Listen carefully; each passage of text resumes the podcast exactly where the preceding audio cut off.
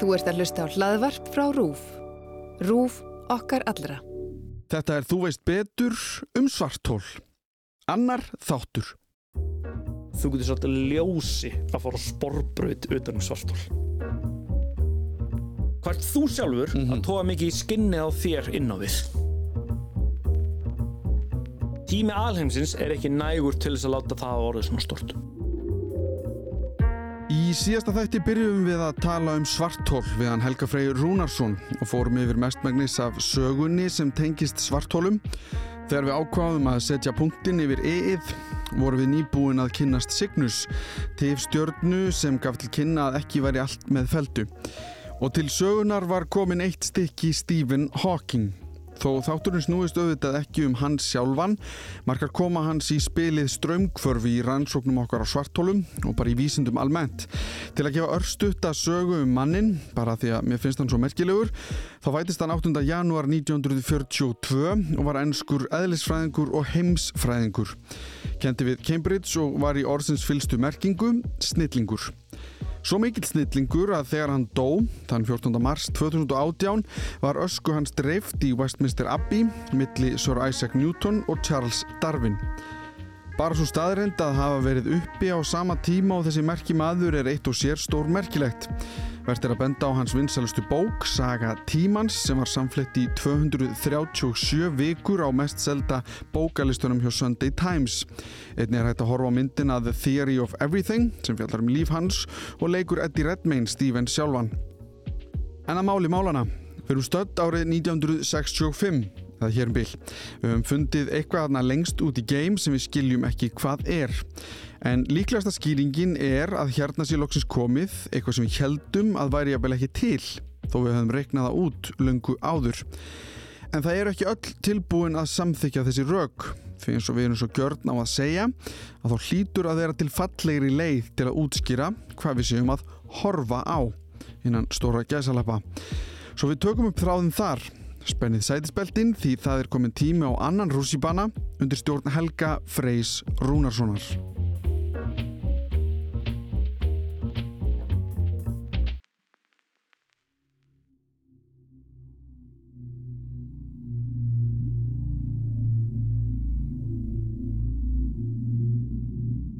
Up until the 1920s, everyone thought the universe was essentially static and unchanging in time. Then it was discovered that the universe was expanding. Distant galaxies were moving away from us. This meant they must have been closer together in the past. If we extrapolate back, we find they must have all been on top of each other about 15 billion years ago. This was the Big Bang, the beginning of the universe.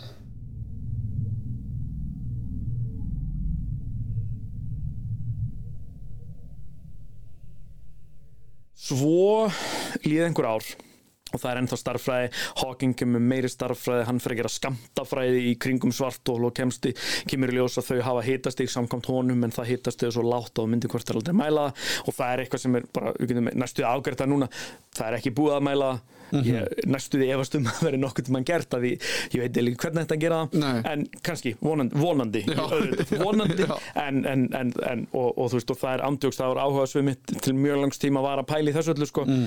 afgröðum þá einum bretti. Já. síðan í raun gerist samt ekki eitthvað rosalega mikið af því við vorum bara að býja eftir tækni framförum nema að hafa náttúrulega mælt fleiri held ég svona tifstjörnur þar sem að svartól voru að fara í kringu stjörnu og þeir, þeir voru að sjá þetta betur þú veist og það voru fleiri. Næsta í raun gerist þegar við förum að beina sjónungum inn að miðju vetrabrautarinnar okkar.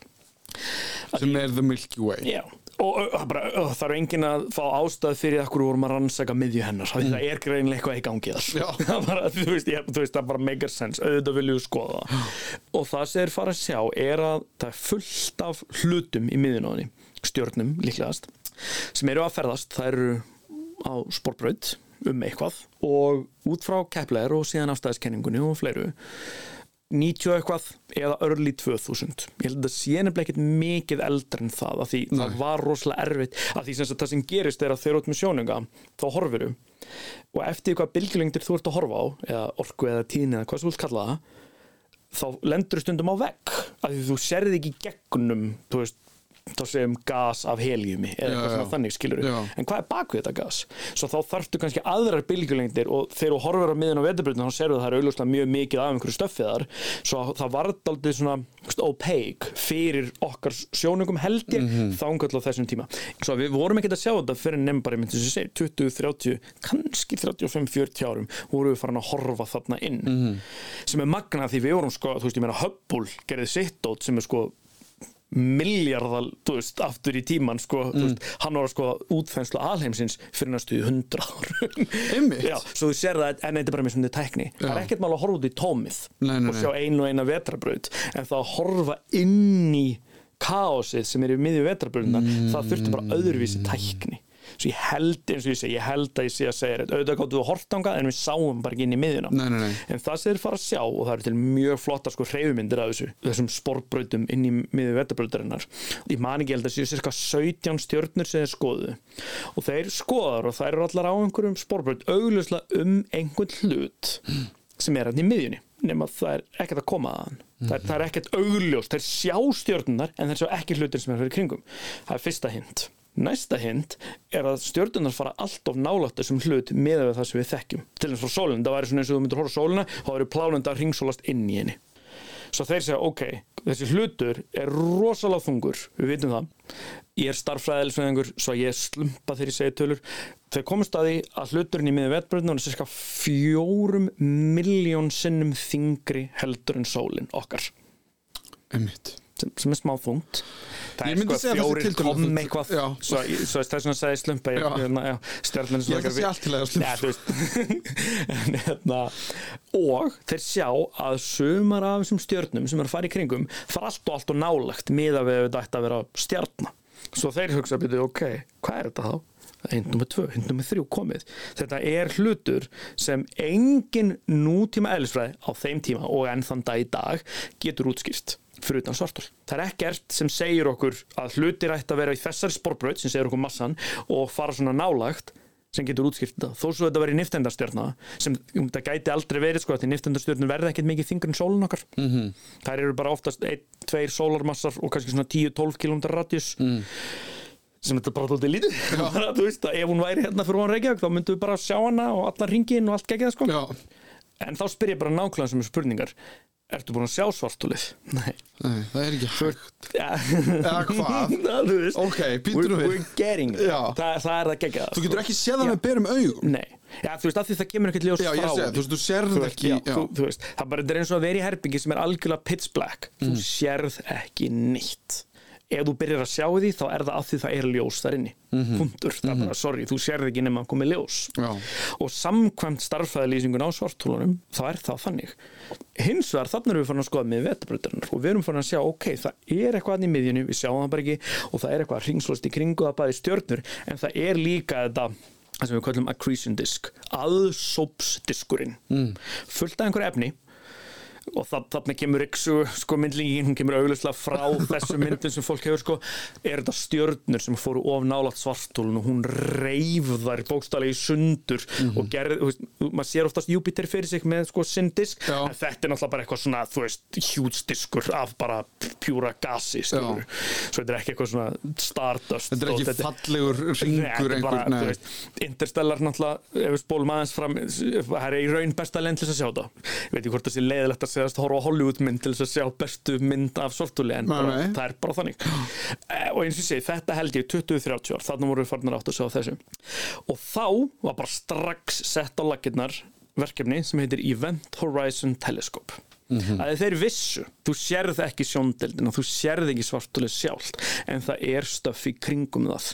Og síðan spólum við tilbaka 100 ár, 1919 eða 1918 eða hvernig sem það var. Einstein segir, ljós sem fer í kringum þungan hlut, það varpast. Svo þeir fóru að spurja gæðina sem geta reiknað þetta út ofur tölvurnar og allt það. Spóla samt smántbaka, það var frakki sem gerði þetta 1970 eitthvað. Hann heit Luminaire sem er geggjað því hann var að vinna með ljós og hann heit Luminaire þetta er, aftur, þetta er eitthvað svona eins og einhver hefur skrifað þessa bók finnst mér stundu sko. Og hann gerði þetta sko ég man ekki, veist, hann reknaði þetta út í höndunum og með einhverjum hjálp, einhverjum svona spjalda forritunar tölva, eitthvað svona, þú veist, 70s dót sko, 60s jafnvel.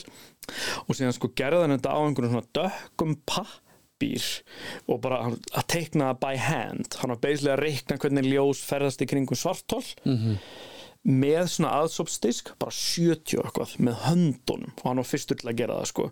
En þarna var þetta bara starffræði vandamál skil. Já, já. hann var, þú veist, það var bara og þess vegna, þú veist, ég ætla ekki að segja, enginn hafi tekið þetta alvarlega. Hann fekk náttúrulega bara massjó af fræð eftir núna síðastliðin árskýruru en, en það hafði enginn gert þetta aftur það hafði enginn pælt meiri í þessu magna sko. Þetta er náttúrulega svona þú nefnilega sko, já. en síðan kemur þarna, early 2000 þá segja þær Event Horizon Telescope. Mhm. við þurfum að bara eðlisfræðast og starffræðast til þess að áttu því hvernig við getum tekið mynd af þessu dótiðan í miðinni það er bara við verðum að gera það. Og, og þú veist, ég ætla ekki, að- ég ætla ekki einu svona að reyna að segja tölunar hvað þetta er sko lítill partur af himnum, himnum okkar skilur en við Já. skiptum himnum okkar upp í þú veist 360 gráður í eináttina og 360 gráður í eináttina svo er allt í litlum kössum. Og síðan er talað um þú veist ark mínútur og það eru 60 ark mínútur í einni gráðu og síðan eru 60 ark sekundur í einni mínútu og þú veist svo, svo þú veist með 3600 ark sekundur í einni gráðu skilur og þú veist þú veist með kassa af því. Og ég man ekki hvað svartulega ára stort á heiminum sko þetta er bara eitthvað þú veist 0, eitthvað ark sekundur eða eitthvað svona þannig sko. Þetta er bara pingu lítill hlutur Já. lengst í burtu. Og við þurftum að nota sjónuga hefur við heyrt það hvernig sjónungin á settu saman? Nei. þetta eru sérst margir útasjónungar að því einn útasjóningi virkar ekki nógu vel. Hann er ekki nógu góður til að sjá þetta því þetta er svo lítill hlutur. Svo að þeir sérst átt að sjá því á einhverjum tímapunkti að hann er ekki nóg. Og þeir bara, ok, shit, hvað, þú veist bara, má ég segja shit? Já, já, já. Þegar þú tala um þessa hluti og þeir reknaði út cirka, skilur þeir vita hvað þetta á að vera cirka stórt út frá sportbröðstóttinu og eitthvað þannig og þeir spyrja, ok, hvað þarf hérna sjóningin okkar að vera stór? Það er cirka stóru jörðin svo ég býst þá við að þeim hafi fallist hendur. Já. ég ætla bara, ég ætla rétt að vona það eiginlega því það setur svo gott dramatíst effekt í þetta. Bara hafi verið fundur, bara best minds þú veist, of the astrophysical world að hugsa um svartól og svo bara bara goddammit bara þurfum við að byggja útasjóninga sem er jafn stór og jörðin -hmm. en þá kemur að góða inn er að útasjóningar virka aðeins öðruvísi heldur en sínilegs ljós eins og sjóningin sem þú átt skilur mm. að því að þú getur púsla myndunum doldið saman þar þú getur tekið mynd af sama hlutnum frá sjö mismundu stöðum á jörðinni og í raun púslað myndinni saman og þú veist upplöstin sem þú færð þú veist, ef þú ert með speilsjónuga þá er stærð speilsins það sem skiptir í raun mestumáli mm. en, en það og þess vegna þú veist, einhvers veginn upp á í eðimörkin í Chile hefur verið að byggja þú veist 23 metra speilsjónuga eða þú veist meira, ég man ekki þú erum að tala um 10 ef ekki hundruði metra í sko þvermál á sjónungunum Já. til þess að sjá betur og fara lengra og sapna meira ljósi þú getur auglustlega ekki tekið tvo þannig einn í Chile og einn í Japan og púsla myndinni saman mm. af því þeir, þeir vinni ekki saman en með útafspilgur getur það. Ég kann ekki nákvæmlega útskýringuna. En það er bara hægt. það er bara hægt. Og þá það segir gerðu þetta var bara international samstarf. Þá voru sjónungar út um allan heim Mhm. fullt af stöðum sem að í raun var ekki búið að byggja. En það var planið, setjum plöntuðum á réttum stöðum þá getum við púslað þeim saman og þá eru við bókstaflega í raun starffræðilega séð og elsfræðilega séð komum með út á sjóninga sem er jafnstór og jörðin. Og þá eru við loksins komin nokkuð upplaust til þess að sjá þetta svartól í miði vetarbrutarinnar og síðan tók þetta líklegast bara þú veist 15 ár. Já, já, að byggja og þróa og, og það er bara verkfræði. Ja, mm. veist, ekki bara verkfræði, þetta er eðlisfræði líka og allt það en þú veist það er bara mikið af tækniframfyrir sem komi bara út af þessu. Sævar talar með mjög oft um það sem Sævar Helgi að þú veist, mikið af til dæmis bara framförum í ljósmyndunum þannig kemur af því að þurfti betri ljósmyndagræður fyrir stjörnælisfræði eða stjörnufræði Já, einmitt. Já, það eru ofta bara einhvern svona, þú veist, kubbarnir sem stýra myndalum komast út af því að það er svo rosalega mikill peningur í þessu. Uh, á sama tíma þá fóruður náttúrulega að spyrja spurningarnar, ok, við hverju búumst við að sjá? Hvað ætti ég að sjá miða við starffræðin okkur? Og það er spurningin í raun sem að na, frakkin Luminaire spurði 60-70 og þá fer maður í þessu tækni sem kallast sem sagt, ray tracing. Mhm, sem er kemur úr tölvuleikjum? Já. að því hvað er þetta, bara skiptum mér í töluleik í smá stund. Bara, hvað er þetta að gera í töluleik þegar þú segjum að þú setur að spila skotleik mm. þá sérðu bóðslega sem karakteriðin eða kalliðin á að sjá. Þá þarf töluleikurinn á hverju einustu sko millisekundu fyrir eftir FPS-unuðinu ef við hugsaðum þannig hann þarf að segja þér hvað þú átt að sjá. Já. hvernig veit hann hvað þú átt að sjá? Jú, hann er búin að búa til einhvern heim í kringu þig. En hann vil ekki að þín tölva þurfa að reikna hvað er fyrir aftan þig því þú ert ekki að horfa á það núna. Mm -hmm. svo hann spyr hverju einstu millisekundi eða x, x millisekundna fjölda hvaðan kom ljósið sem þú færð? Svo hann í raun, hann fer aftur og hann spyr ef það færi ljós út úr auðanaður í 17 gráður til hægri og 19 gráður upp hvaðan kom það? Já, það kom hérna frá brúnablettinum þarna. Ok, teknaðan brúnan. Mm. og hann spyr það fyrir allt í þínu field of view. Já, já, já, já þekkir svo og þá teknar það myndina fyrir þig. Einmitt. Þannig sjáum við. Ef þú, hugsa, ef, hugsa, ef þú spólar tilbaka hvernig þú sérð með augunum í þér það er það í raun bara sem er að gerast. Það kemur ljós inn í og hvernig veit það hvaða litu það er og spólaði bara tilbaka. Já, kom það, ok. Veist, það fór úr ljósinu inn upp í loftinu lendi á myndina sem er blá og síðan kom það auðað að mér. Þess vegna er það blátt. Mm -hmm.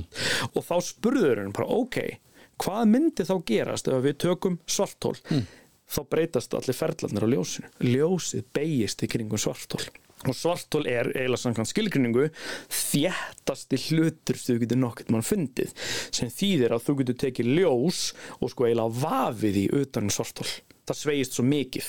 Þú veist, aftur, ef þú ímyndar þú veist, bara eins og með plándunar, þú getur sagt plándu að fara sporbröð um sólina mm -hmm. þú getur sagt ljósi að fara sporbröð utan um svartól af því þau tóka svo fast Ljós er, já, ég, já.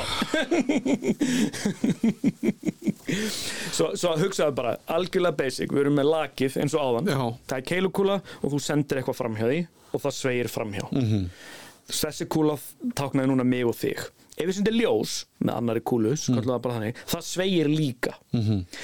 Ímyndaði núna að brunnurinn sé svo þungur. Oft í sko þegar það er ímyndað sér svartul í þessari mynd þá er sko komið gat í, í Já, það var að segja pæli en, en sko málega er að það brunnur. er ekki rétt. Ja, Jú, jú, tæknilega séð. Tæknilega séð náttúrulega þegar þú fer inn fyrir þá ættur að detti í gegn en hvað hinn þá, þá, þá fyrir maður að spurna hvað er hinnum einn þú ættum með svona ekki að reyna pæli í en þá sér það ef, ef hann er samt nógu brattur af því að ljós fer svo hratt, jú þú fyrir bara á takmörku um hraða, mm -hmm. ljós fer á takmörku um hraða en fer á rosalega miklu um hraða sem þýðir að sveigjan sem er hún svo mikil nála svartólunu, hún er það mikil að hún getur jafnað út hraðan hjá svartólunu og þú getur fengið eins og ég segi tæknilega séð sporbrönd ljós utanum svartól við erum í útvarstætti mm -hmm. svo er mjög örfitt að þú segja þetta. En það þýður um það ef að þú myndir standa akkurat á þessum stað það sem er hægt að vera með sporbrönd fyrir ljós mm. og þú myndir horfa í eina átt þvert á svartólu, þú ert ekki að horfa á svartóli þú ert ekki að yfir á hinn nei, nei, sagt, í raun, þú veist, ef svartólið er hér horfur þú þangað ef svartólið þá til vinstri, beint til vinstri já. og geymurinn til hægri, þá þú horfa beint áfram. Já, já, ok, þannig, já, einmitt. Og síðan sendur þú ljós fram. Fram, já, beint áfram. En svartólið náttúrulega tógar í það svo að fyrir á sporbrut um svartólið mm, hvað endar það? Aftur á þér, já, aftur á þér. Svo, svo veist, þetta væri hægt. Svo að tæknilega séð, ef þú horfir í það þá ættir að sjá nakkanöður já, af því að kemur náttúrulega ljós frá nakkanöður ef það er, skiluru, þú veist og eins og ég segi starffræðin uppfæla sagði okkur bara þetta því fólk fór bara að spyrja hvernig hefur ljósið í kringum? Og það fór að reikna og eitthvað og síðan bara, byrju, hæ? ok, byrju, byrju jú, mengasen þetta gengur upp þetta gengur upp, starf, bara alveg eins og þegar Newton reknaði það að þú gætir sett plánetu í kringum stjörnu Já. og hún færi ring eftir ring eftir ring eða spórak eftir, veist, whatever þá getur reknaði nákvæmlega samháma mm -hmm. nefnum fyrir ljós. Sem þýðir að ef að segjum svo að veri svartólun á milli mín og þín. Mm -hmm. ég myndi ekki sjá þig eins og venjulega því það veri svartólina beint, ég myndi svo svart hér en ljósi sem kemur frá sem nefn á þér mm -hmm. partur að því fer upp í loftið. Ef það verður ekkert svartól þá sé, sé ég það ekki. En þegar svartóluðu komið þá beigir svartólið bókstala ljósið og það lendur í augun á mér. Svo ég sé þig þarna en ég sé þig líka þarna svo það verður svona eiginlega ringur í raun sem gerist af því að ljósið sveigist í kringum. Þannig að sérðu mig á fjórum að segja að ef við erum í beinni línu þá sé ég allan ringin kallast Einstein ringur bara tegðan einhvern bara tegðan og, og bara sem dæmi að því það er rosalega mikið síðastlega viku búið að tala um James Webb teleskop. Já. skoðiði stóru myndina sem kom það fyrsta myndin sem var gefin það fullt af svona litlum ég held að það sé engin heill ringur á þeirri mynd Mm. en það er rosalega oft svona partur úr ring svona, svona bogi eiginlega. Það er þetta. Það er eitthvað mjög þungt í miðjunni eitthvað sem lýsir fyrir aftan og ljósið er að ferðast í kringu það stundum svartól, stundum ekki að því þungir hlutir gerir þetta líka. Já, já, já. svo þá sérðu það, ok þannig að þegar ég ætla að spyrja hvernig lítur svarthól út það er fyrsta lagi að það er svart. En þá þarf ég að spyrja annara spurninga sem er klárari spurning þú veist, ef, þú- þú spyrir spurninga sem þú fær ekki svar við þá erum bara að spyrja berandi spurningar. Svo þá spyrja þær hvernig lítur efnið út sem er í kringum svarthól og þeir vissu að það var þessi diskur af efni í kringum svarthólið svo þeir þurfa að spyrja hvernig bjagast ljósið frá efninu í kringum svarthólið af því það er það eina sem þeir sjá. Það er eins þeir sjá. Og í raun, núna erum við komin inn í það sem ég gerði í mínu dóttarsverkefni eitt af því, ég gerði margt annað til dæmis svartól með hár og eitthvað svona þannig var að skoða starfæðalustun og því, en eitt af því sem við vorum að skoða var einmitt hvernig svartól líta út. Og þá býrðu bara til plat scenario. Þú setur bara stóran gulan dúk. Það sem við gerum við setjum stóran gulan, rauðan grænan og bláan dúk beint fyrir aftan svartólið mm -hmm. það, var, bara teppi bara svona barnateppi basically langt fyrir aftan svartólið og við spurðum ok, þegar það er ekkert svartól þá sé ég bara dúkin ef við setjum svartól í miðuna hvernig sé ég núna dúkin hvernig varpast ljósið. Og þá bara aftur backwards ray tracing eins og við köllaðum, við erum að stíga skrefin sem ljósið sem kom til þín fór nema aftur á bakk mm -hmm. því að þú ætlar að gera hina útreikningana þá ertu að rekna allt ljós í heiminum og það er aðeins erfiðara. Svo við takmorkum okkur við okkar field of view Já. og ég spyr hvaðan kom ljósið sem ég sá þegar það er svartól í miðjunni? Og þá bara fer það dudur, fer kannski eitt ring í kringum svartólið og síðan fer það á gula reytin ok, lita það gult. Síðan fór annar og hann lenda á bláa. Síðan ger ég þetta fyrir þú veist 400.000 ljósgeisla sem lendi í augunum á mér eftir bara hvað upplausn ég vil fá. Og þá sé ég bókstala minstrið sem að svartólið afmyndar ljósið sem kemur til mín með. Það er engin svona stór barnadúkur út í geimnum svo síðan þurfti náttúrulega að gera alvöru mótel þá þurfti að tala við stjörnufræðingana. Byrju, hvað er besta mótelið af svona aðsópsdisk? Ok, setjum það núna í kringum svartólið keirum sömu útrenninga og spurjum hvernig bjagast aðsópsdiskurinn og besta svarið er bara horfð á Interstellar Já. Þa, það, bara, veist, það, það er bara Það er bara og, mjög góð- og bara ef þú ítir á pásu þá getur farið svona dálítið að pæli og þetta er fullt að greinum á netinu það er raun besta leiðin til þess að pæli þessu sko Mm. en niðurstaðan er samt bara að því að Einstein sá okkur að ljós sveist í kringum þungar hluti mm. þetta er loka niðurstaðan það, bara, það þýðir að við erum með mjög þungan hlut á mjög litlu sveiði með eitthvað einhverja ljós uppsprettu light source í kringum sig þá mun það ljós bjagast mjög mjög mikið og þú verður að sjá alveg magnaða hluti í kringu það. Event Horizon Telescope, svo loksins núna fyrir þremur árum mm. eða ekki, 2019 snemma 2019 held ég bara hei, fyrsta myndin er komin. Og hún sirka passaði við þessu við heldum bara eiginlega fáránlega vel það var eiginlega vandræðilegt hvað hún passaði vel við sko. það sem að spálíkönin mm. að því þeir sá ok, það er svartólunni miðinni við vitum hvað er þungt, við vitum sirka hvernig aðsópsdiskurinn er, hann er svona efni hann er svona mikið vetni og svona mikið helium og þú veist whatever skiluru og hann er svona stór og hann er svona langt út ok, síðan vitum við að svartólið er svona stórt sem þegar sjóndeldin er svona setjum það inn í tölvuna. Setjum þessu tölur inn í tölvuna og reiknum bara með, með ray tracing forritur okkar reiknum út hvað við ættum að sjá. Þá kemur mynd. Síðan tókuðu sjónugan sem var hann að samblanda af mörgum út af sjónugum út um allan heim til þess að búti einn risastóran sem tók myndina. Og það bara passaði frekar vel. Bara, þú veist. Ok, við fyrsta lagi, þetta er útvarsjóningi já, þannig að hann er að meta bylgjur veist, þetta, þetta er ekki, erum, hann er ekki hann er ekki svo ljós Nei, er ekki svo ljós Þannig að hvernig setur hann Já, hann setur það saman með að tíðnirnar Mhm. sem hann er að pikka upp út um allan heim eru settar inn í þetta forrit og það býr í raun til mynd sem við skiljum Er það rétt skilið hjá mér? í raun, já. Já. það er eins og þú veist og dæmis ég náttúrulega, þú veist margir hafa gert þetta og getur farið á YouTube Mm. spurt sko The Sounds of Saturn Já, það er náttúrulega þú heyrir ekki neitt þegar þú ferð til Saturnus sko. Nei, þetta er, bí, in er space, no one hears you scream. Það- er- já. þurfa að ferðast í rúmi. Nákvæmlega, svo að það sem þeir gera þar er að það eru einhverja bylgjur sem það koma frá Saturnus Já, það er eitthvað geislun eða eitthvað. taka þær bylgjur og þeir bara hliðra þeim. Þannig að við heyrum þær. Svo Já. það er sama þú veist, waveform, það er sama minnstur í bylgjunum, það er bara búið að hliðra þeim. Já. Svo að myndin sem við sjáum frá Event Horizon teleskóp ef, ef við myndum bara setja útvarsbylgjunar á blað fyrir þig, það er bara svart. Hins vegar málið er að ég er nokkuð vissum að ef þú færir í miðju vetarbördunar þá er líka sýnilegt ljós þar. Þú veist að því meina aðsópsdiskur fullur af vettni og heljum er líklegast bara eitthvað svona bráðnuðu sól einmitt. Það er pottet ljós að koma frá því sem við sjáum. Hins vegar, sjónangurning sjá það ekki út af þessi talaðum áðan með gasið. Gasið getur það alltaf í sig. Einmitt. Það eru raun bara útaspilgjörnum sem slepp í gegn. Og, og, og, og ástæðan fyrir því er, er flókin en það er raun bara þannig að því að sko í rosalega einfaldur útskýringu segjum sem svo að þessi vetni sem sendir frá sér ljós í kringu svartólið mm -hmm. veistu hvernig vetni sendir frá sér ljós? Með að springa saman eða eitthvað Já, þú veist, ekkert endilega, stundum er það bara, þá er það, þú veist, þú veist Bara það, er, hitnar. það er að breytum orku ástand Já. og þá losnar orka frá því Já. í formi ljós og það getur þýtt að sé að breytum það sem við kallum spuna eða þú veist, whatever, eða einmitt árakstar eða eitthvað þannig en hvað gerist ef að akkurat sá orku skamtur, þetta ekki skamtafræði Mhm.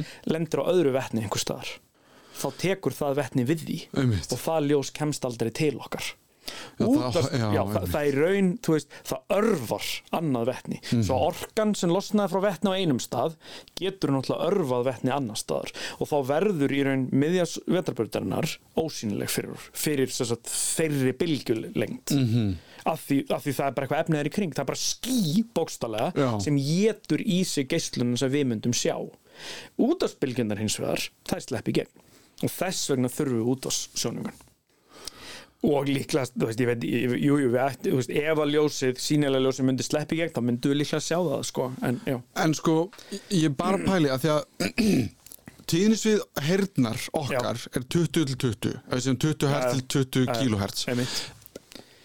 þú veist, við eigum að fæðast þannig það er ekki já, algilt 20, og öll heyrnatól hérna, í heiminum segja skilta framkvæmda þessa tíðnir sem er náttúrulega minni kæftæði en Mhm. já. hérna, það er annan mál að því að þú segir útarspilgjur sem eru kannski einmitt 90.000 eða þú veist, þetta er bara Mhm. Okkur já. hertsum ef að hljóð við erum að tala, þetta er bara loft að ferðast Mhm. Já, já. og eirun á okkur er að titra okkur með okkur hraða og heilin á okkur er að bara, þú veist, við erum með hljóðuminu Já. og hristingurinn í andrumsloftinu Já. fer inn í eirað á okkur, hristir hljóðumina og líka með okkar tólkar það sem hljóð. nákvæmlega Mhm. Hvernig eru þessar bylgjur að ferðast Mhm. ef að ljósið það verður eftir Já, já. Og koma, og það er ekkert, og það, og það er ekkert efni til að ferðast í það er afsögulsvið. það er Já, rafsegulsvið og, það er, þú veist, ef þú hugsa um andrumsloft er sko the medium fyrir hljóðbylgjur flutningsleiðin eða eitthvað. flutningsleiðin, þú veist bara, já þá er rafsögulsviðið sem, sem, veist, við sjáum ekki Já, já. það er þá leiðnisvið, eða hvað sem við viljum kalla það útvarpsbylgjuna og allra aðra rafsögulbylgna, skilur Já. þær eru bara alveg eins og hljóðbylgjur eru örfanir í andrumslofti þá Mhm. -hmm. þá eru rafsögulbylgjur örfanir í rafsögulsvið og rafseguls Þetta hljómar eins og við sem bara búið til orð til þess að útskýra hluti, heyrðu það ekki, þetta er bara svona þetta er það sem ég sagði áðan Já, já, Uh, og, og bara til að tala um rafsegulsvið Já.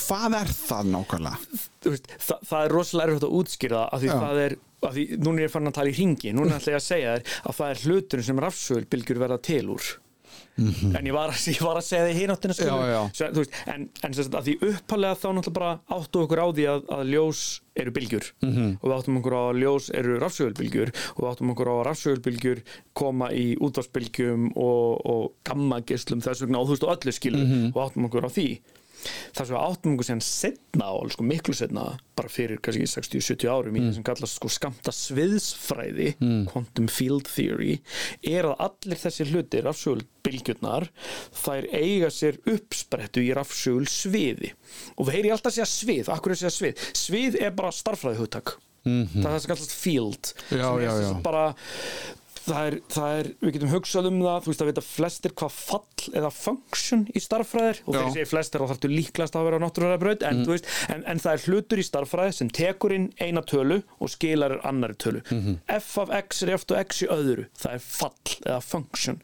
Svið er, ég ætla ekki að segja þessi svipað en, en það, veist, það er svona continuation af sama hugtaki. Það er, veist, það er að komið flokknari hlutur og það er tæknilega séð og náttúrulega svið við hugsaum um þessi svið í leikhús eða eitthvað þannig og þaðan kemur rundt orðið, þetta þetta, þetta er field þetta er eitthvað svið þar sem að og innan þess rúmast eitthvað annað. Já, nákvæmlega, það, þú veist, það er eitthvað þar. Og veist, en, en aftur er þetta bara starffræði hugtak sem lýsir bylgjum fyrir okkur? Mhm. eða er í alvörun eitthvað sviðaðna ég bara veit það ekki. Ég, bara, ég get ekki, þú veist, það bara sem er oft svarið. Sem er bara svarið, skilur það bara, þú veist, og, og, og það eru mörg dæmi um þetta, þú veist, í, í eðlisfræðinu sko. en, en þá sér þeim mitt, ok og, og ástæðan fyrir að við vildum sjá út af spilgjurnar er það bara, þú veist, út af stjörnumfræði og stjarnælisfræði þá voru það einu bylgjurnar sem komu. Af því þeir gátt alveg mælt út af spilgjur áður en þeir sáu svartúlið þeir sáu, þú veist, og ég held að það hafi til dæmis verið, ég man ekki hvernig það er tímasett þú veist það, en þeir sáu að það voru útvarsbylgjur að koma frá miðju vetarbrautarinnar mm -hmm. vissi bara ekkert, vissi ekkert um það af því það voru svo orkulitlar og sjónungarnir eða þú veist, útvarsjónungarnir voru það ekki nú kröftur til þess að mæla þeir, sko Nei. svo að þú veist Og er ekki líka, ég meina, var ekki tala átt um uh, sjónvörp í gamla dag svona, sem voru með loftnetum og eitthvað svona það sem, þú, það sem væri, er það, þú mátt alveg segja að það sem kjaftaði það ekki? er, það er sem sagt, örbylgjukliðurinn sem er sem sagt, þú veist, leifar mikla kvelds, basically. Já, ef við, við, útskýrum Já, bara já. að, að, að sem sagt, kannski í gamla dag já, já, það er erfitt að sjá þetta í dag Já, þegar þú varst Nei. kannski gast fundi ég meina þú reyndir að finna einhver Já, það var, það var engin útsending á rásinni Já. og það var bara static Já, við, já, það var bara svart og hvít og hljóðið og allt það Já. Það eru basically, þá er bara loftnendið þetta pick up útvarspilgjur Mhm. -hmm. allar útvarspilgjur -hmm. og að hluta til er það örbylgjukliðurinn sem er að koma bara sem er bara að koma allstaðar frá, hann, hann bókstala er. Þú veist, það, það er kort á honum og hann er er bara, þú veist, saman þú horfir þá er hann. Svo að hann er þar, en hins vegar málu benda á það líka að hann er ekki stór hluti af þessum klið. er- Mhm. það, er, það, er miklu, það er svo mikið af útafspilgjum þú veist, við mannkinnið erum með svo mikið af útafspilgjum í kringum okkur alltaf að örbylgjukliðurinn er held ég bara rosalega lítill partur af þessu. Já. Svo, veist, En það er bara- samt það er gaman að vita að það er eitthvað. það er nefnilega, Já. og, og, þú veist, og það er alveg merkilegt sko, og það, þú veist, já. Að þú setur raun að horfa á geimin Já, en eins og ég hugsa þetta rauninu, þú veist, að því rafsögul sviðið og rafsögul bylgjur og rafsögul kraftur, þetta er bara einn af fjórum svona fundamental kröftum alheimsins. Þingdarkrafturinn, rafsögul krafturinn og síðan er að veiki og sterki kjarnakrafturinn sem þú, ég veit ekki hvort þú er eitthvað pæltið með kjarnorku pælingu. Jú, jú, já, Já, en þú sér, þú veist, og, og eins og ég hugsa um það, þetta eru bara samskiptaleiðir alheimsins. -hmm. Það er engin önnur leið, fyrir utan þessa fjóra krafta, til þess að interakta, vikslverka við nokkuð skapaðan hlut. Nei. Fyrir kemur hluti, þá er það eitthvað af þessum kröftum sem hafa veist, og svo framvegið skilur, svo þetta eru leiðir alheimsins til þess að gera það, svo að við erum í raun bara með útasjónungum og öðrum sjónungum að búa til tæki til þess að vikslaverka við alheimin Já, já. Í, og sem, sem í öllum tilfellum í stjarnælisfræði eru rafsöðulbylgjur Já. við erum ekki beint að mæla náttúrulega þingdar áhrif frá þessum hlutum. Nei. en við getum samt séð þau eins og ég sagði með sporbögunum og allt þannig svo jújú, jú, við, erum að, við erum að aðtöga þau en við, en við erum ekki að finna fyrir þeim. Nei. á meðan að, já, ok, ég er að bulla með þingdar bylgjurnar svona mældar þá bókstálega gerum við það. En það er í fyrsta skipti. Svo að sem sagt og jújú, jú, náttúrulega með, með, með sjáarföllunum og allir þá, þá erum við tæknilega sig að mæla þingdarkraftinu og allt þannig sko. en frá fjarlægum hlutum þá, þú veist, ennþá fjarlægum hlutum þá erum við ekki að því. Svo þetta eru oftast rafsögulbylgjur sem við erum að mæla og, og sjónungar snúast náttúrulega bara aðal um það. Mm veist, það, er, það er hópur hérna á Íslandi við HÍ sem að hérna rannsaka gammablossa. Þar þarf sjónungar sem eru kannski að mæla allt, allt annað svið, eða þú veist, allt annað tíðnisvið Já, heldur en útafsbylgjur og, og, og þú veist, og ef þú fer bara með stjörnuskoðuna félagi seldan þessi stjörnuskoðuna þá ertu alveg bara sínlegt ljós og, mm Mhm. veist, og svo, svo, svo alheimurinn er þú veist, hann er á öllum tíðnisviðum þannig og þú þarf bara að vita hvaða tækið þú þarf að nota í hvert skipti Mhm. og í tilfellum svartóla þá er það oftast Já.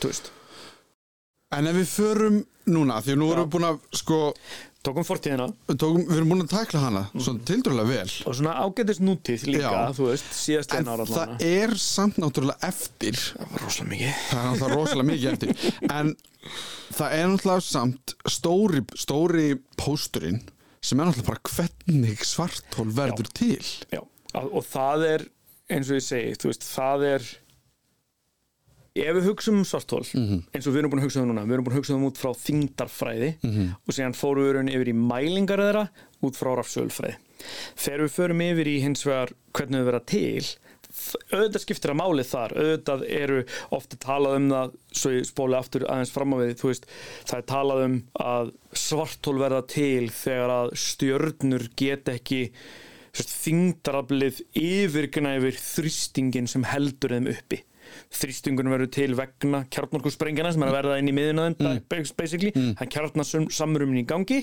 sem mynda þrýsting inn í þeim og það er falla ekki saman. Svo það er kraftur á móti krafti.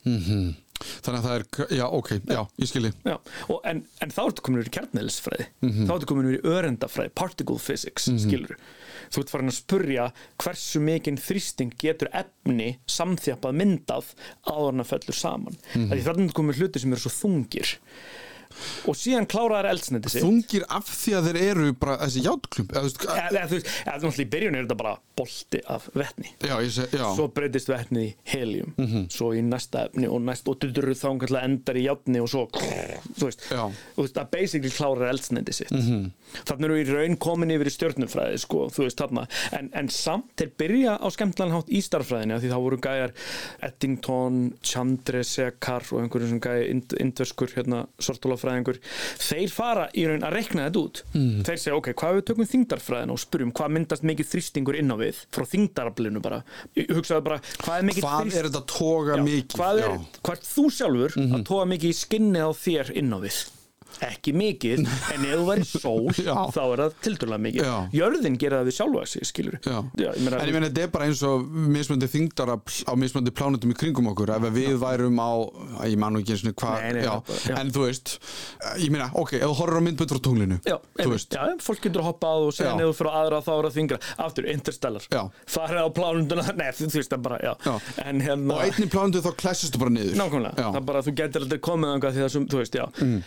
Og þeir í raun fara í rannsóknarferli þar sem þeir eru að spurja ok, meða við það sem við þekkjum úr kjarnælisfræði og örendafræði með hvernig efni getur búið til stöðugt ástand skiluru, Mhm. -hmm. hvað getur við látið það passa við mikið þingdakraft Mhm. og mikla þingd skilur og þeir fara bara að testa það skilur já ok, það er einna fyrst var það sko ég held að hvítir dvergar koma til að snemma upp þá eins og ég nefndi áðan þú veist að því þá er það sko hérna við erum komin daldi langt, varstu búin að tala um skamtafræði eitthvað? Við gerum tvöfaldan þáttu Já, skemmtilega nákvæmlega, þú veist, það er talað um hérna Ég ætla alltaf að vísa bara í hann Já, það nefnilega Nei, hérna, þú veist, poly-exclusion principle Mhm. sem er sagt, sem ég man ekki hvað heitir á íslensku það er sem sagt, þú veist, það, það segir okkur að tvær rafeindir get ekki verið á sama stað Mhm. og aðrar eindir sem eru svipára rafeindir.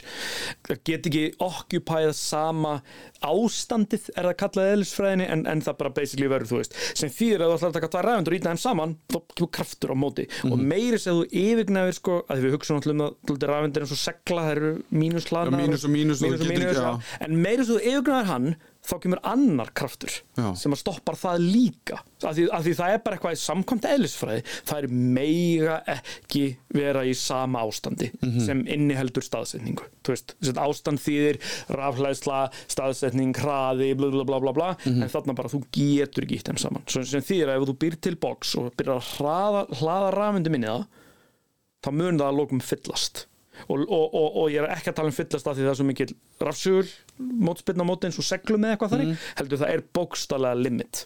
Á meðan þú tekur til þess einhvern sem svo nifteind sem hefur enga hlæðslu bara byrjar að hlaða honi skiluru svo þá fara að spyrja, ok, þú veist miða við mismunandi efni hvað ef að það væri til stjarnar sem er bara búin til úr rótendum, hvað væri bara til eitthvað sem er búin til úr niftendum, bara úr ok, ekki rafendum, en jú, basically skiluru, og þá bara spyrja, þær, ef ég gæti gert það þá er hún svona stór, hún er svona þung hvað þýðir það miða við þingdaraflið og þeir byrja basically reyna bara að láta þetta passa saman. Og þá byrjar að fá út alla þessa hluti ok, það, það ætti að vera til stjarnar sem bara búin til úr niftendum niftendastjarnar, þetta verður til stjarnar sem er bara búin til úr þessu þarna og hvítudörgur og eitthvað svona þannig. Það er ekki reynslan skilur þú veist, það er niftendastundin eru ekki bara úr niftendum að það er svo mikið í gangi en Já. að mestu eru þær búin til úr niftendum -hmm. og bara aftur gaman í, í þú veist, eðlisvæðinu, þetta er bara heimavina sem maður gerir, það er bara bóstala núna í dag því það er svo langt sem það er gert að núna vitu hvernig maður gerir þetta, það er bara, heyrðu, miða við þessa forsendur, hvað myndi gerast? Þú myndir reyna að tróða fullt af niftendum saman. Hversu stór er þið klumpurinn og hversu þungur er þann og maður reiknar út og þá kemur ljósa að þetta er niftendastjarna svona cirka pluss minus 10-20% en þú fær cirka rétt.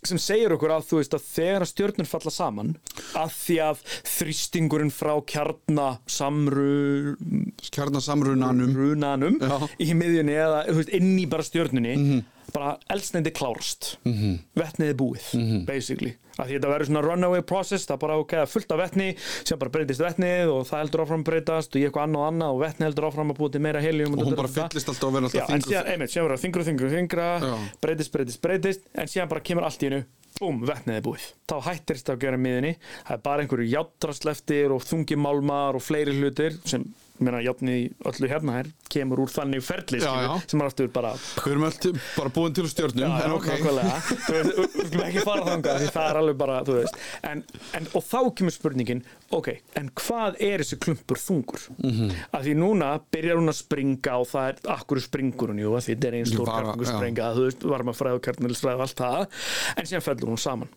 út á þingdaraflinu og þá koma bara svona tilfelli er hún svona þung já ok, þá springur hún og það gerist ekki neitt meira mm -hmm. því hún var of létt, hún var Hún ekki já. þung til þess að toga dótið aftur inn og þá verður bara einhver klumpur eftir sem heitir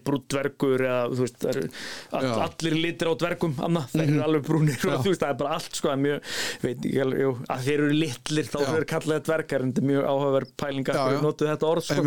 Þetta eru litlir hnullungar sem voru bara kjarnin í raun á stjörnunni sem að sprakk utan að þeim í sprengistjörnum Já.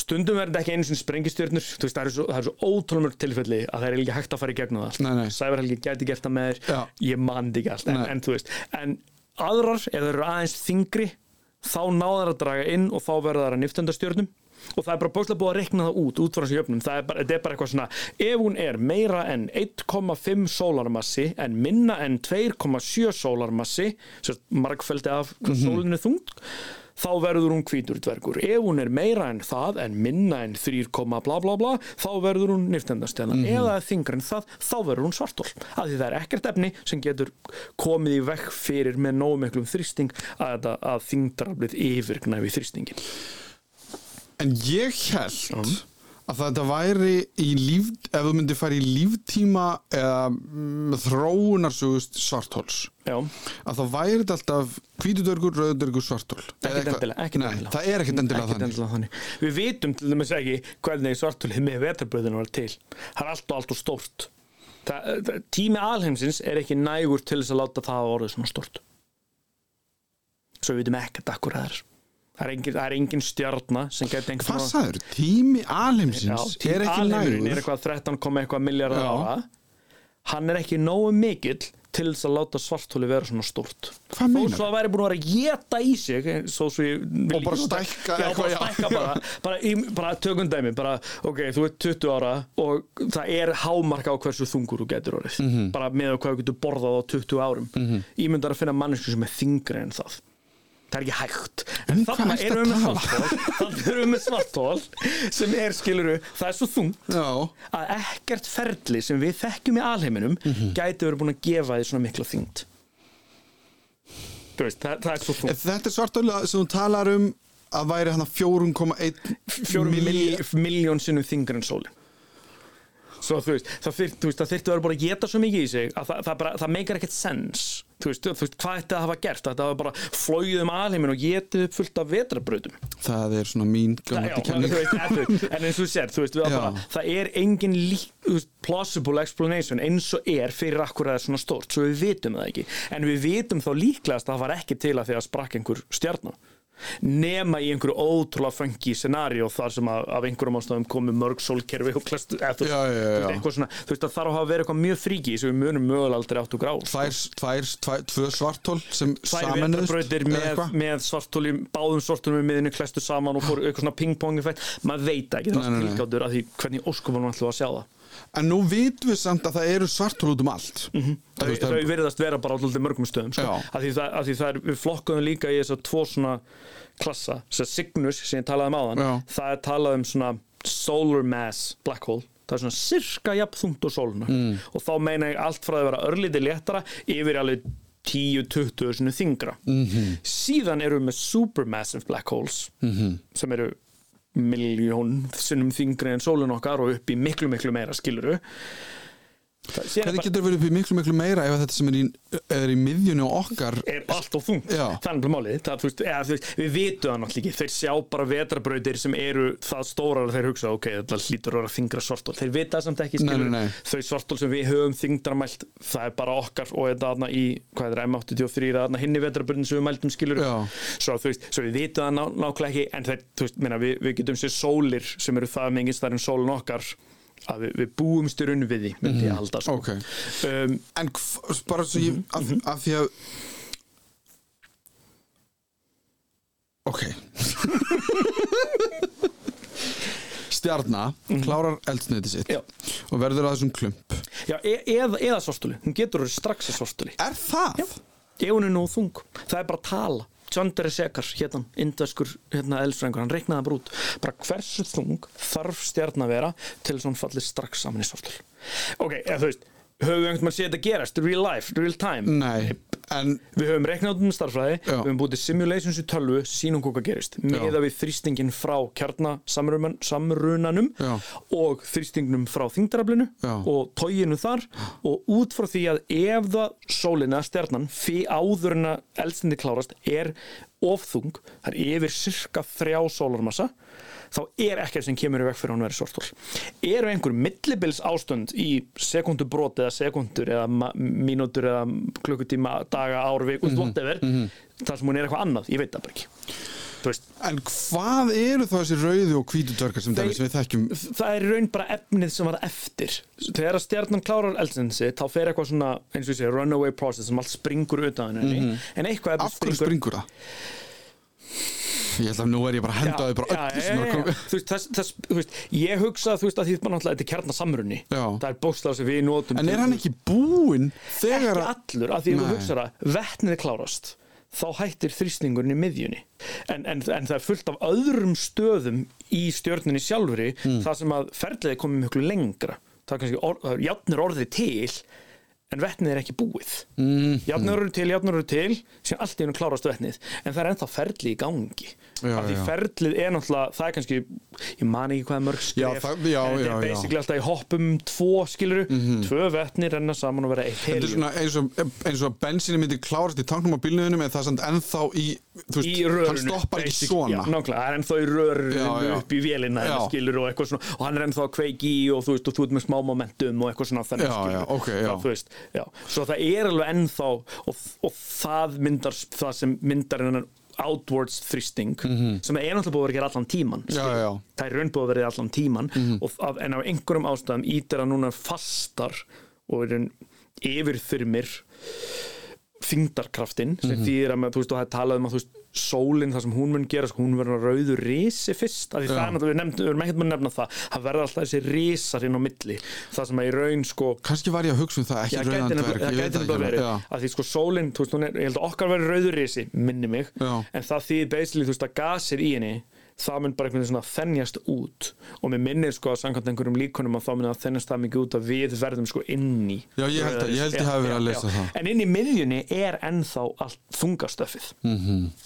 Já, sumt, ég ætla ekki að segja allt Mhm. Nei. af því ef hún springur þá náttúrulega þeitur hún út ef hún bara svona blæs út eins og bladra rauður í sig, whatever, þá náttúrulega kemur kannski eitthvað við með en eitthvað við dettur kannski inn í miðjuna eða Mhm. hvernig sem er ég held að sé það fjölbreytt og flókið að það er ekkit alltaf eitt rétt svar sko Þannig að það er í raun ekki, þegar við erum að tala um svartál þá er ekki alltaf sama fæðingarsega fyrir hvert og eitt þeirra ekkit endilega Nei. en, en, en, en við vitum samt að ef hún endar sem niftendastjarna þá er ekkert sem getur breytt henni yfir í svartól nema, rekast á hana svartól eða eitthvað svona þannig skilur Já, já. þú veist, ef hún er í tvístyrni það, veist, það, það getur gerst, þú getur með sól svartól, þau eru að fara ekki einhvert manna en á meðan þau eru að snúast í kringum hvort annan og nálgast hvort annað eins og Cygnus ég nefndi Mm. áðan, þá gæti hún sprungið Hver? Stjarnan, Stjarnan? Bara út af- og, og, bara út, út af líftíma sínum skil, hún kláraði Já, eldsneiti já, á já, meðan já, hún já. var að ringsólast mm. -hmm. hefur þetta gerst, veit það ekki en in theory ætti þetta auðvitað geta gerst já, þú veist, því að það fer utan á og hún breytist í kvítandverg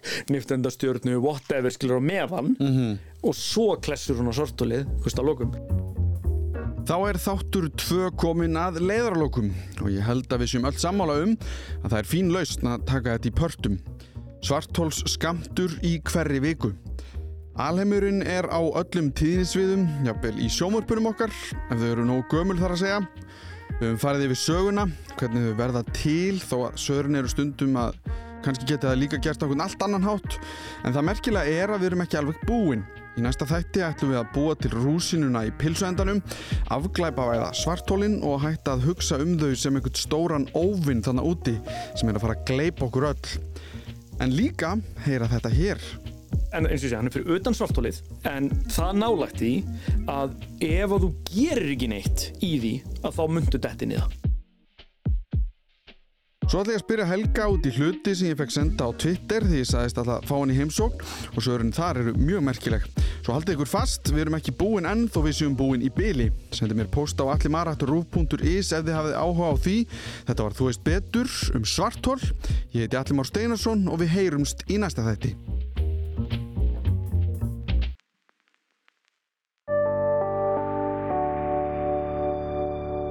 RÚF okkar allra.